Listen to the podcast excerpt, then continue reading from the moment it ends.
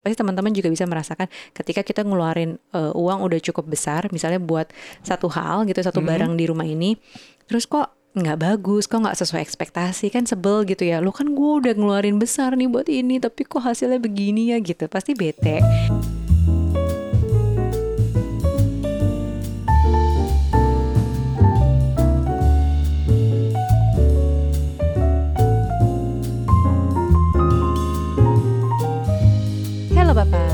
Hai Ibu. Halo semuanya, kembali Hai. di podcast Curhat Babu, curhatnya Bapak, Bapak dan, dan Ibu. Iya. Hai. Nah, kita mau cerita lagi melanjutkan dari IG Live. Instagram Live di Hmm, Parent Talk hmm. waktu itu kita pernah bahas soal dream house alias rumah Bener. impian, bukan rumah boneka ya. Iya, Apalagi istana boneka. Ah, ah, terus ada yang minta untuk dijadikan podcast biar lebih panjang, biar bisa Aha. denger ses- kapan pun, terus lebih detail lagi mungkin tentang perjalanan kita membangun rumah buat Nuca. Cile. Jadi ya teman-teman semuanya Mm-mm. eh, dari awal menikah sama Aryo, kalau gue mau nikahnya sama siapa pun sebenarnya pengennya punya beda dong sama Aryo tuh beda. beda. selalu pengennya. pengen eh, punya rumah, tinggal di rumah sendiri gitu. Jadi Mm-mm. eh, bukan apartemen gitu karena nggak tahu ya. Kenapa tuh?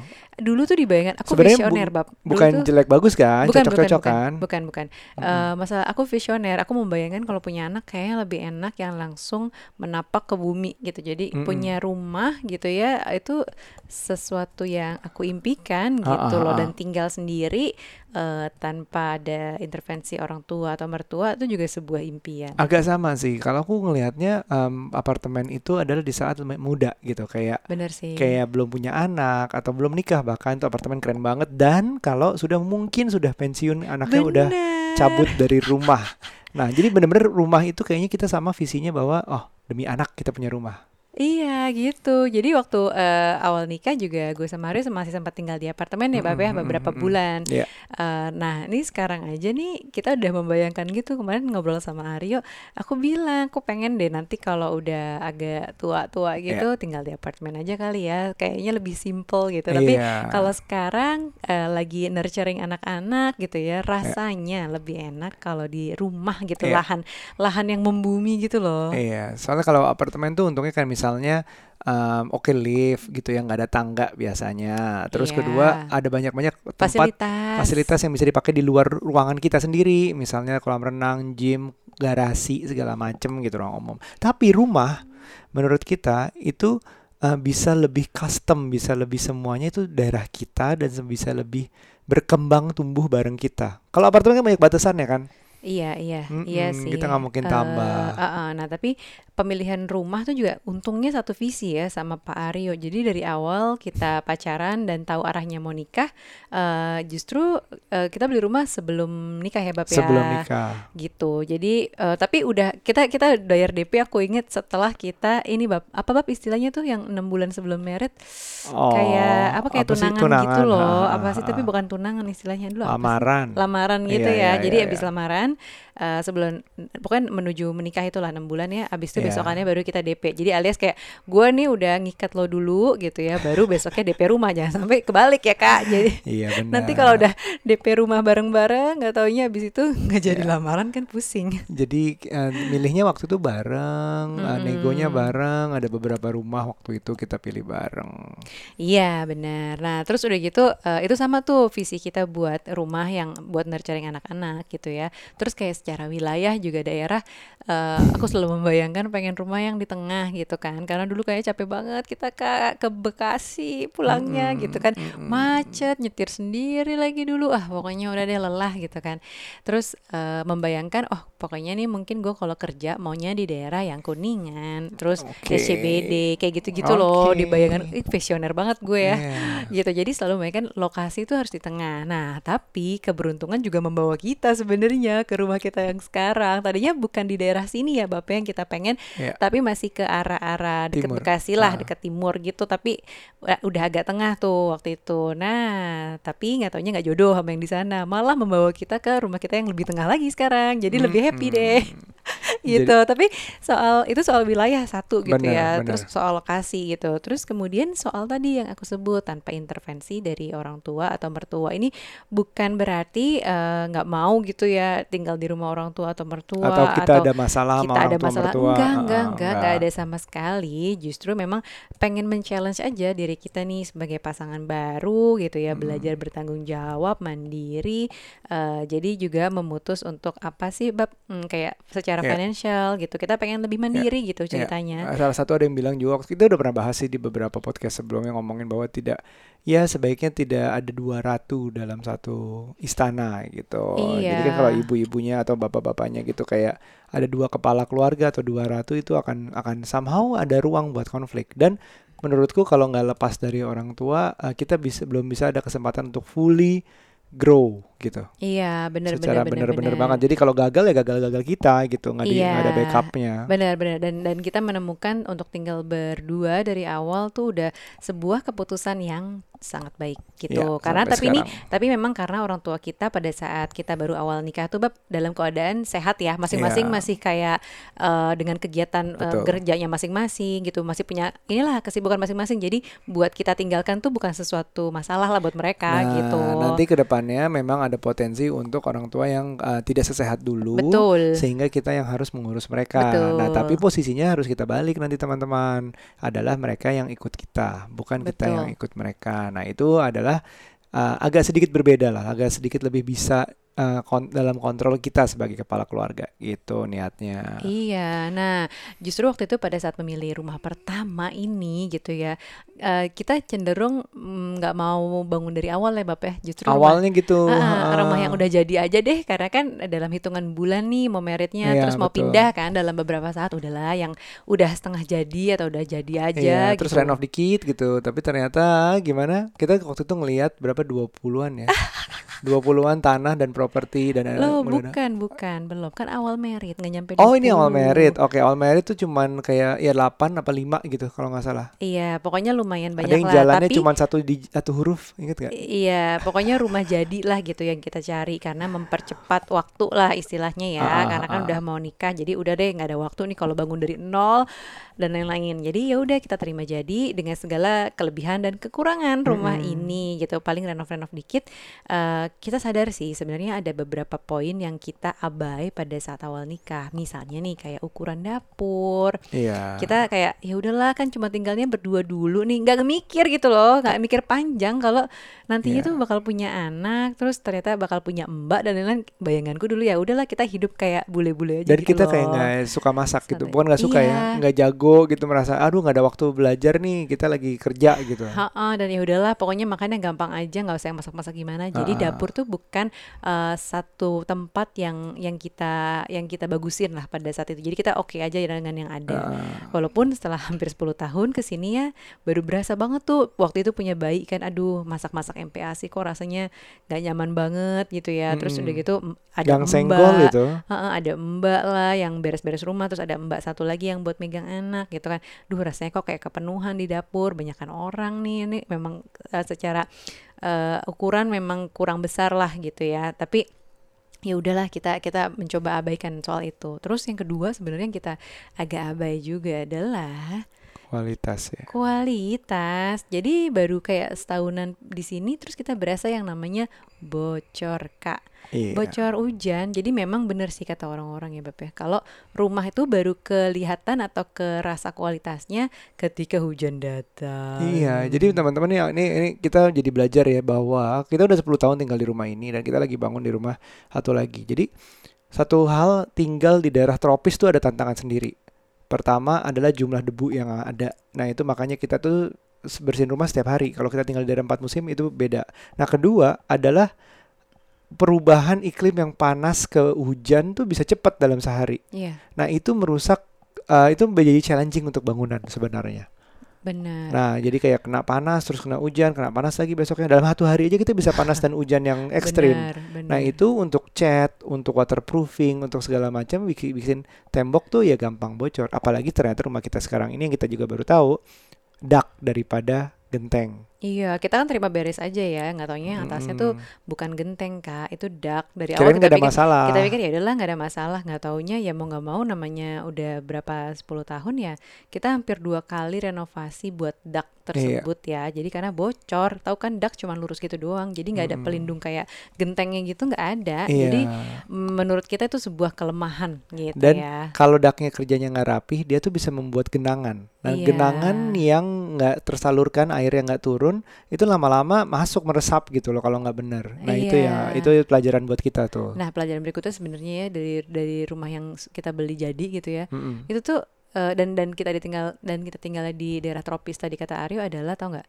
pintu kayu. Itu yang ada ya. Mm-mm. bolak-balik nih memuai menyusut memuai menyusut tau nggak? Itu berasa banget. Kalau pintu tuh susah banget ditutup. Pintu kita kebetulan kan eh, kayu sama satu lagi sebenarnya pintu besi juga ya Bab ya. Ha. dan itu tuh berasa sih eh, dengan dengan apa namanya panas dingin tadi memuai nih musim panas. Iya. terus tiba-tiba kalau musim hujan tuh jadi dilapuk gitu. Wah pokoknya terus keluar jamur dan lain-lain. Nah, itu Nah. Tuh bener-bener di daerah tropis ya itu yang kita yang kita lumayan miss lah dan ini pelajaran sebenarnya Nah ini untuk teman-teman kan udah, udah tahu nih pintu kayu tuh yang Nucha bilang tadi um, memuai dan balik lagi terus gitu lama-lama rusak. Plus kedua pintu kayu ada uh, rayapnya kalau kita nggak rawat dengan baik eh, suntik rayap dengan benar. Nah satunya biasanya pintu itu sekarang banyak pintu aluminium. Ya. Pintu aluminium. Nah ini juga kita baru tahu pintu aluminium tuh macam-macam levelnya. Kan ada yang macam-macam kan, ada yang kita terima jadi dari kontraktor, yang yang kita nggak tahu lah, pokoknya udah udah ada pintunya, yang penting bagus, warnanya apa segala macam, dilihat biasanya estetiknya doang.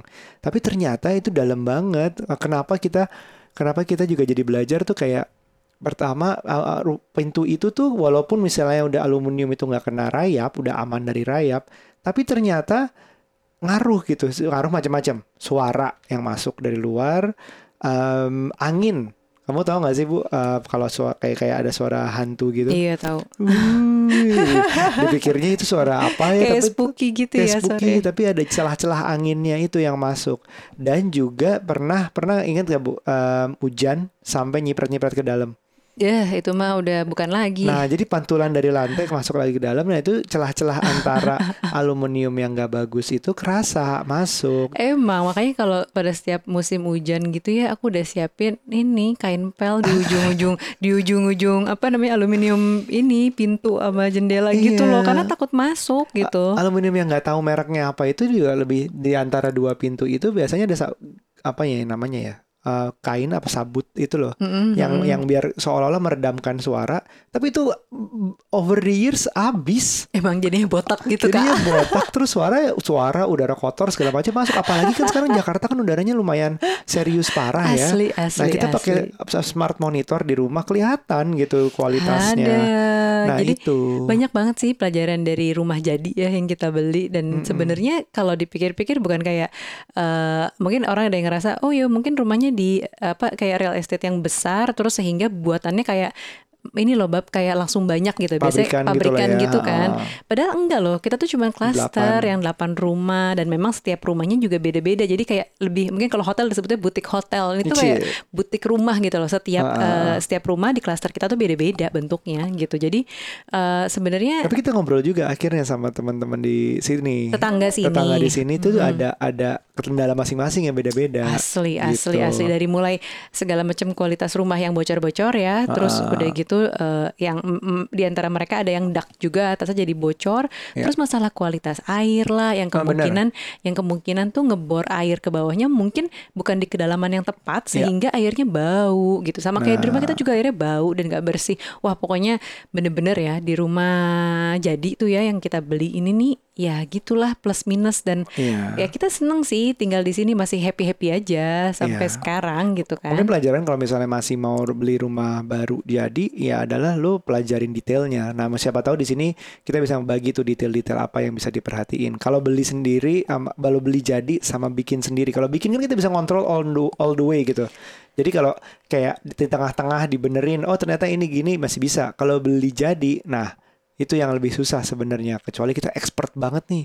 Oh, ini bahannya apa? Oh, ini merek apa? Oh, ini apa? Gitu-gitu loh. Iya benar benar benar tapi ya itu dia tadi lah ya teman-teman namanya juga pengalaman rumah pertama ya baru nikah kan kita Nah. taunya happy happynya aja mungkin pikiran kita juga nggak terlalu Atau panjang nafsu- ke depan cepet. nafsu aja pengen buru-buru cepet pindah gitu tapi eh, Nah. apa namanya kita belajar banyak dari situ nah gara-gara ini juga yang membuat kita tuh berpikir untuk ya itu tadi bikin rumah buat Nucha yang memang dari scratch dari nol Hampir sih, hampir kita cari-cari yang jadi lagi. Iya, benar, benar, Sempet benar. kita lihat tuh Sempet tuh 20-an tempat ada lah. 20 rumah kayaknya kita liatin Ah, ya ah. selama pandemi ini iseng-iseng kayak wisata aja gitu.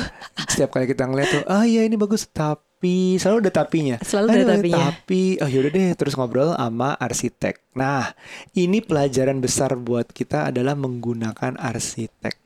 Benar. Yang kebetulan salah arsitek kita adalah teman baik juga yang kalau kata Ruby bilang, oh this is one of the ini salah satu orang yang harus lo punya sebagai teman arsitek cie profe lo harus punya teman arsitek jadi gampang dan dia nggak nggak akan bohong lah istilahnya nggak akan menyesatkan Nah, dia Iya. bilangin bahwa ah gue tahu lo berdua lo BM lah udah bangun aja dari nol cari tanah gitu Nah, terus kan kita mikir ya, aduh bangun dari nol, nyari tanahnya aja gimana, lokasinya gimana. Kan kita nggak tahu dulu tuh tanah tuh bekas apa, apalagi gue kan takutan gitu. Jangan-jangan bekas ada apa tuh dibuang apaan di situ, kayak gitu-gitu kan Iya dong deh, kita. iya deh Terus udah gitu nyari yang pas, bentuknya tuh kayak menurutku nggak gampang ya, bener-bener jodoh-jodohan Iya. sih. Dan harga, apalagi zaman sekarang Iya, kan. kalian kan tahu eh, ini kalau yang belum tahu tanah lebih lebar itu lebih mahal daripada tanah lebih panjang ke belakang. Benar. Eh, yang fasadnya lebih luas itu lebih mahal walaupun ukurannya sama jadinya. Nah, itu kita juga coba cari-cari. Kebanyakan rumah di Jakarta kan udah gitu, udah panjang ke belakang. Benar, panjang ke belakang yang mem- yang memungkinkan kita harus kayak tiga tingkat lah, empat Mm-mm. tingkat lah gitu. Jadi kayak Iya. ruko, Nah, kayak rumah kita sekarang. Kita dapatnya Heeh. hook lah. Hook. Fasadnya panjang banget kan sampai belok.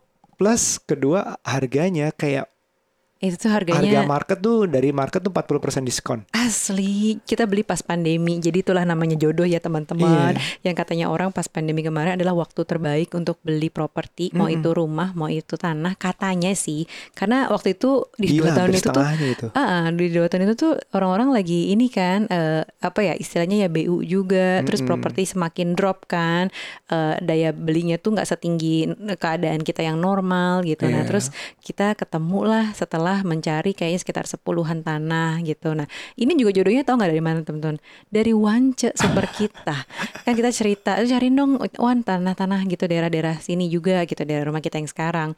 Eh, tapi yang kotak tanahnya jangan soalnya kita banyak menemukan eh, yang kita visit tuh kebanyakan yang memanjang ke belakang itu dan sebenarnya kita kurang serak lah dengan yang memanjang ke Iya. belakang karena tanah kita rumah kita yang saat ini ya udah memanjang ke kayak belakang gitu. gitu. Nah terus cari dong yang kotak kan gue pengen rumah yang apa namanya proporsional gitu. Terus dapet deh dia kita nego-nego dan lain-lain mikir-mikir perbandingan lah segala macam gitu. Akhirnya suka nih udah dong berjodoh dong sama tanah ini. Tapi begitu udah beli kita baru tahu ada istilah-istilah kak. Kayak PDB ya kan? PDB itu apa istilahnya? PGB P- yang i- gantinya gantinya IMB. Bukan Oh, PDB GSB. GSB garis lah. apa bangun gitu. Jadi dari Jadi depan banyak silakan. banyak banget istilah-istilah soal tanah gitu ya yang ternyata eh, misalnya kayak itu tuh dilihat dulu daerah lo itu daerah apa nih? Resapan air kah? Daerah mau buat buat komersil kah? Atau memang benar-benar buat perumahan? Itu beda-beda semua. Terus sampai kayak percentage bolehnya cuma dibangun berapa persen dari tanah lo tuh ada nggak boleh kayak full gitu rumah 100% dibangun gitu nggak Iya, boleh iya. Eh, yang Terus tan- yang GSB itu dari depan itu, ya nah, kan, apalagi karena kita punya dua depan. Bener, jadi Akibatnya- kepotong tuh. Udah hook, eh, udah seneng-seneng hook dapetnya ya, nggak taunya ada yang namanya garis batas itulah. Jadi harus kayak 5 meter Mm-mm. dari depan, Jalan, dari ha. jalan raya gitu, dari jalan maksudnya. Nah itu tuh rumah kita ya abis kan kita hook, jadinya kayak samping sama depan udah habis 5 meter sendiri kan, Betul, kebayang kan? ha-ha. Udah kebabat. Nah terus eh, begitu tahu lagi boleh bangunnya cuma 30% dari tanah kita terus kan kita hah gimana nih Iya. kayak sempat pusing banget sih gimana ya kita udah beli lagi udah gini gini gimana nih bangunnya terus tapi ngobrol sama teman kita yang arsitek tadi ternyata dia bisa akalin jadi secara bentuk gitu ya tetap tetap menarik terus eh, apa namanya tetap mengikuti sesuai peraturan pemerintah juga. Jadi cukup aman lah secara estetika buat Ya. kita nyaman dan secara peraturan kita masih masih taat Nah, ceritanya. itu gitu. pentingnya gua, bu, bu- arsitek ya. Salah satunya juga dia bangun rumahnya nggak nempel tetangga. Nah itu mencegah.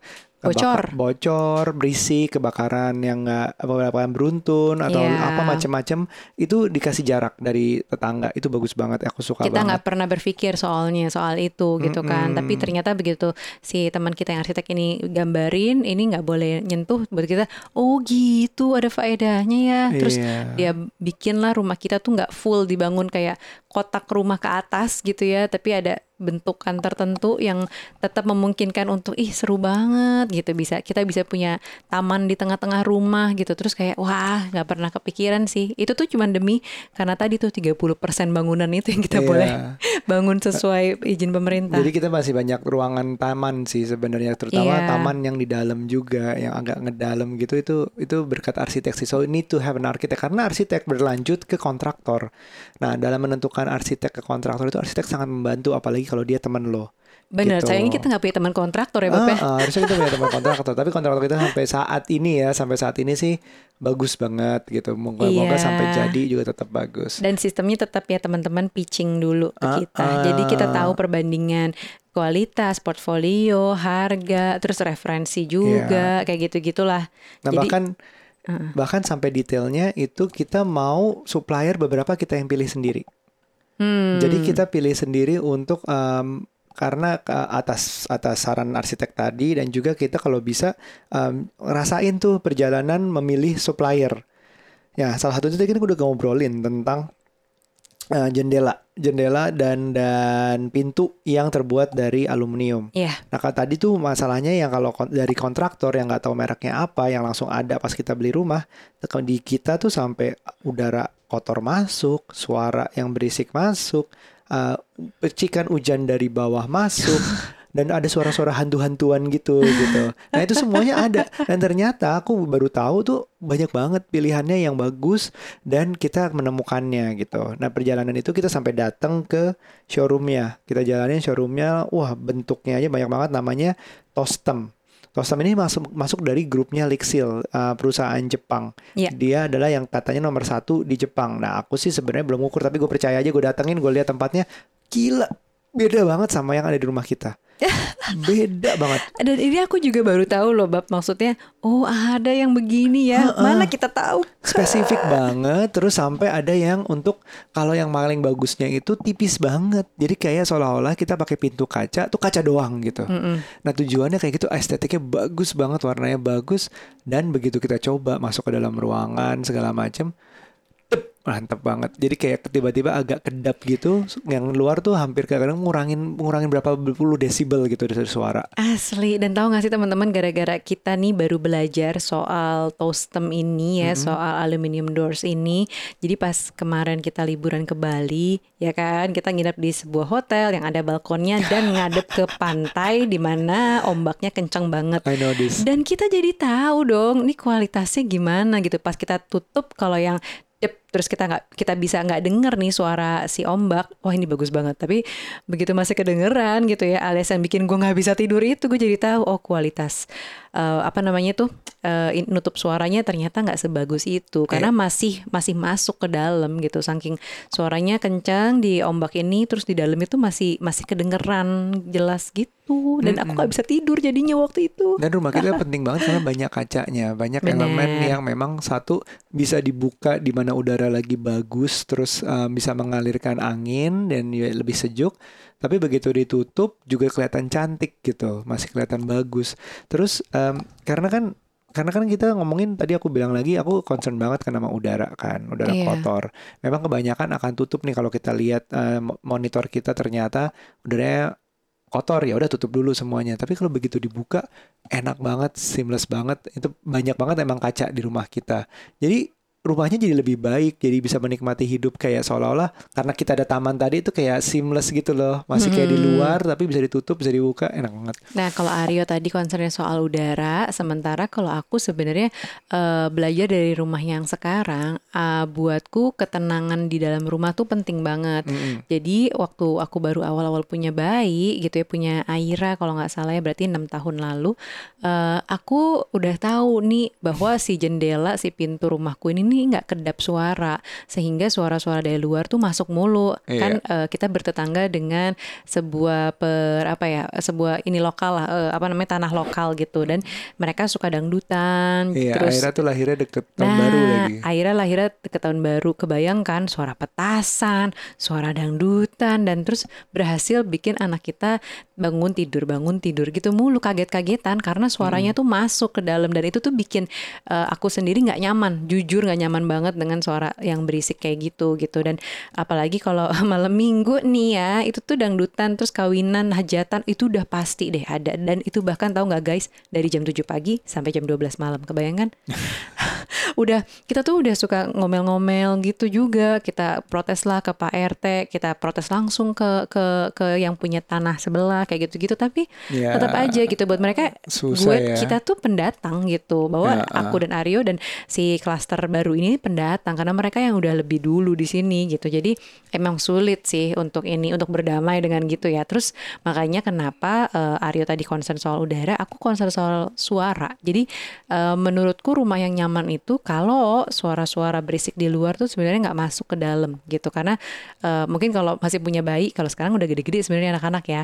Eh, itu masalah tidur gitu kan itu penting banget kan tidur terus kebangun-kebangun kan berisik gitu jadi Kalau tambahannya sih masalah syuting. Nah, kalau sekarang kondisinya kalau kita lagi syuting nih, ya kan bikin konten, terus kita rekaman podcast, terus suara-suara masuk, itu kan sebenarnya kesel juga gitu, Yoi. dan itu penting sekali buat kita soalnya. Iya, kita juga bikin rumah ini tujuannya adalah biasa bisa kerja nyaman banget di rumah gitu. Bener kalau itu. kalau dulunya sebenarnya kita berpikir bahwa ah udahlah nggak apa-apa kalau ada yang dangdutan dan lain-lain kan kita kerja juga keluar waktu itu ya guys 10 tahun lalu tuh kita masih kerja kantoran keluar jadi buat kita nggak apa-apa begitu ke sini gitu ya punya bayi lah punya Bener. anak yang kebangun-kebangun mulu jadi eh, buat kita ketenangan kedamaian eh, dari suara-suara di luar itu sangat penting makanya kenapa kita mencari eh, apa namanya aluminium doors dan juga windows yang memang bisa memenuhi kebutuhan aku nih yang BM eh, nggak pengen denger suara dari luar. Karena kayak suara motor suka ngagetin, suara mobil lewat, terus belum lagi kalau ada keramaian dangdutan tadi gitu. Iya, terus eh, jadi kalau teman-teman mau tertarik, mau misalnya mau renovasi atau mau bangun rumah, coba deh Tostem itu ada di Sleepy showroomnya. Eh, ada ada ada gedungnya sendiri, kalian bisa lihat Instagramnya @tostem_indonesia dan dia juga bagusnya garansinya tuh lima tahun untuk sistem dan 15-20 tahun untuk warna. 15-20 tahun untuk warna.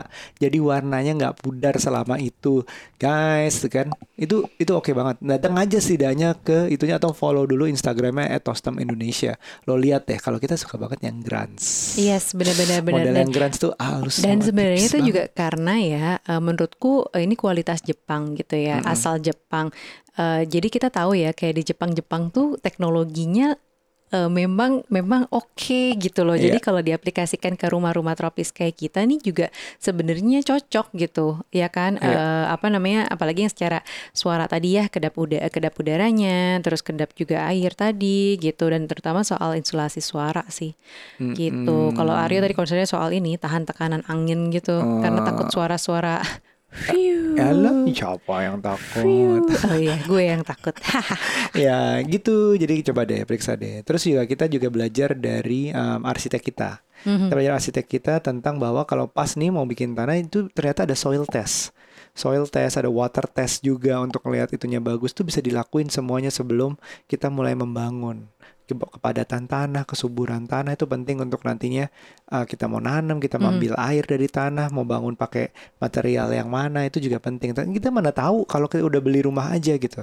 So banyak banget pelajaran-pelajaran uh, yang kita ambil dalam perjalanan bikin rumah ini guys. Ya masih banyak lagi, mungkin kita harus bikin satu podcast lagi kali untuk yang kita tahu. ini belum lagi kita ngomongin interior nanti. Wah ini kita belum sampai membangun bagian interiornya nih baru digambarin nih. Nah itu banyak banget gitu. Nah kalau kita bicara soal um, budget. Apa sih yang perlu diperhatikan perjalanan ini apa menurut budget kamu? Budget sih udah pasti. Iya. Iya gak sih? Nah, kalau dibandingin beli rumah sama bikin rumah, sebenarnya bikin rumah kalau kita disiplin budget bisa lebih murah. Eh uh, iya. Sayangnya nggak disiplin ya. Iya, itu dia. Sayangnya uh, mungkin harus di lebih ke arah, oh oke, okay, mau budget segini untuk ininya. Kalau bisa detail, bukan cuman, oh mau habis sekian untuk satu rumah. Enggak rumah bagian ininya berapa, bagian ini apa. Karena kan misalnya tile, tile juga menentukan apakah marmer, apakah terrazzo, apakah homogenik itu kan juga harus dibudgetin gitu bisa ngaruh banget gitu gitunya itu juga penting kalau ngomongin budget. Jadi bedanya kalau rumah kalau kita lihat harga-harga rumah wah yang bagus nih kayaknya lebih mahal dari rumah kita. Karena biasanya yang dijual adalah desain yang udah jadi kesiapan kesiapan mm -hmm. segala macam akibatnya jadi lebih mahal.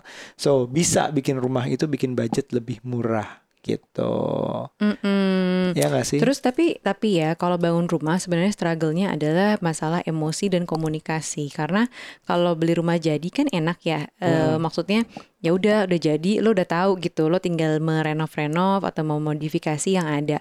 Tapi kalau bangun dari nol masalah emosinya tuh dalam artian kayak antar pasangan nih kan hmm. kita mungkin sama-sama punya keinginan ya punya BM gitu ya banyak mau yeah. Aryo mau ini aku mau kayak gitu gitu ya jadi uh, kalau nggak ketemu di tengah memang bisa jadi suka kayak berantem gitu ya tapi hmm. so far hmm. kayak belum berantem sih kita cuman emosi kayak belum lagi bukan cuma menghadapi pasangan doang tapi menghadapi misalnya nih uh, desain sebenarnya aku tuh nggak serak tapi kalau apa misalnya desain wise kan secara desainer pasti lebih paham.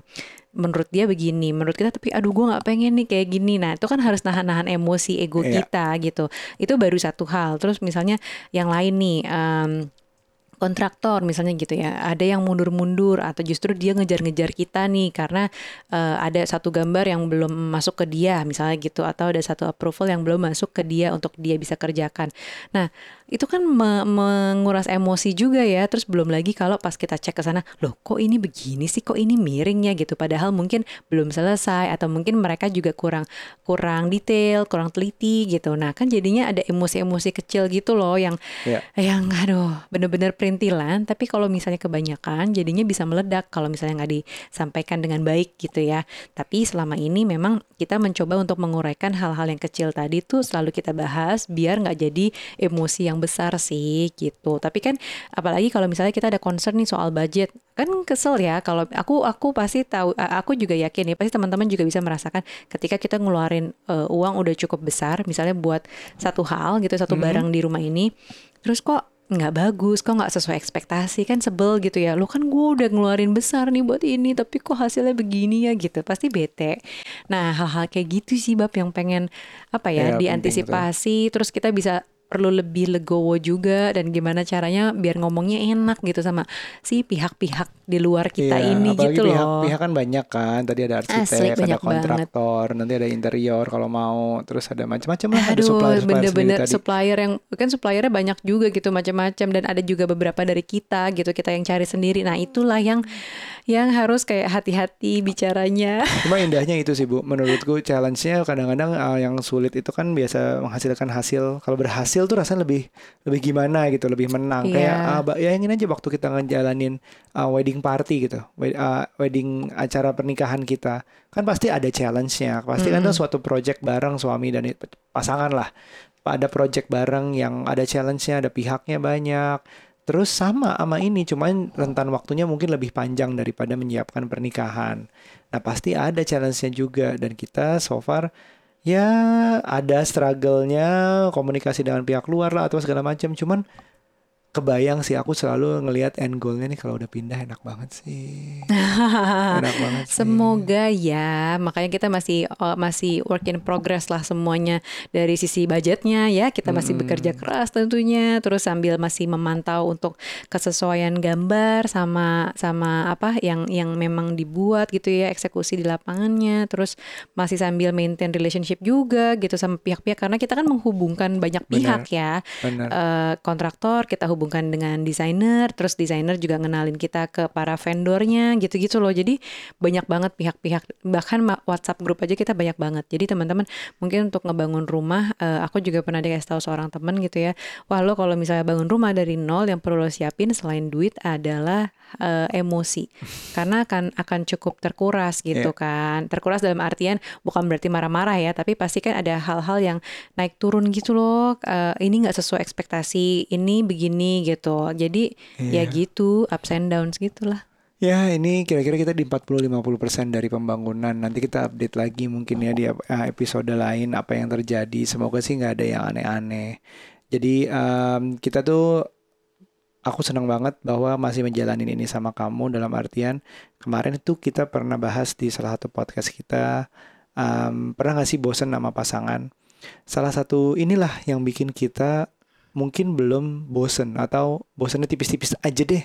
Karena kita punya sesuatu yang diperjuangkan kita punya sesuatu yang dibangun bareng kita punya sesuatu yang looking forward tuh dikerjakan bareng. Nah itu itu bikin exciting banget uh, hubungan kita saat ini gitu. Mm-hmm. Nanti kalau misalnya udah selesai mungkin kita bangun apa lagi gitu, Bu. bangun candi, bangun candi. Kayak iya, bangun candi lebih lama lagi kan. Nah, itu itu tujuannya. Tapi coba ini untuk dipikirkan teman-teman kalau misalnya mau bangun rumah, consider it as a challenge in part as a part of your marriage, as a part of your relationship. Mm-hmm. Um, it could be bad, it could be good. It depends. It, it could be a test to your relationship juga. Kuatnya hubungan kalian tuh seperti apa? Kita tuh seperti apa? Benar, benar. Ini kayak men-challenge uh, kita sebagai pasangan sih. Mm-mm. Gitu.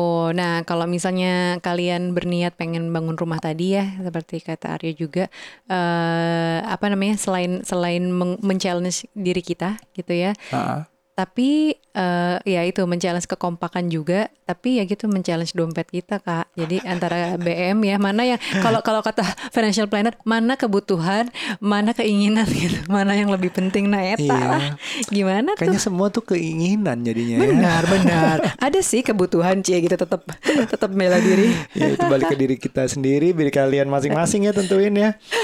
Gitu. Iya nah ya udah kayak gitu aja teman-teman semuanya. Uh, mungkin bisa cek-cek juga di Instagramnya @tostemindonesia atau ke website juga ya uh, tostemindonesia.com untuk mendapatkan uh, apa namanya aluminium doors dan juga windows yang memang sesuai dengan kualitas Jepang. Iya, gitu. sampai ketemu di episode berikutnya. Bye. Bye.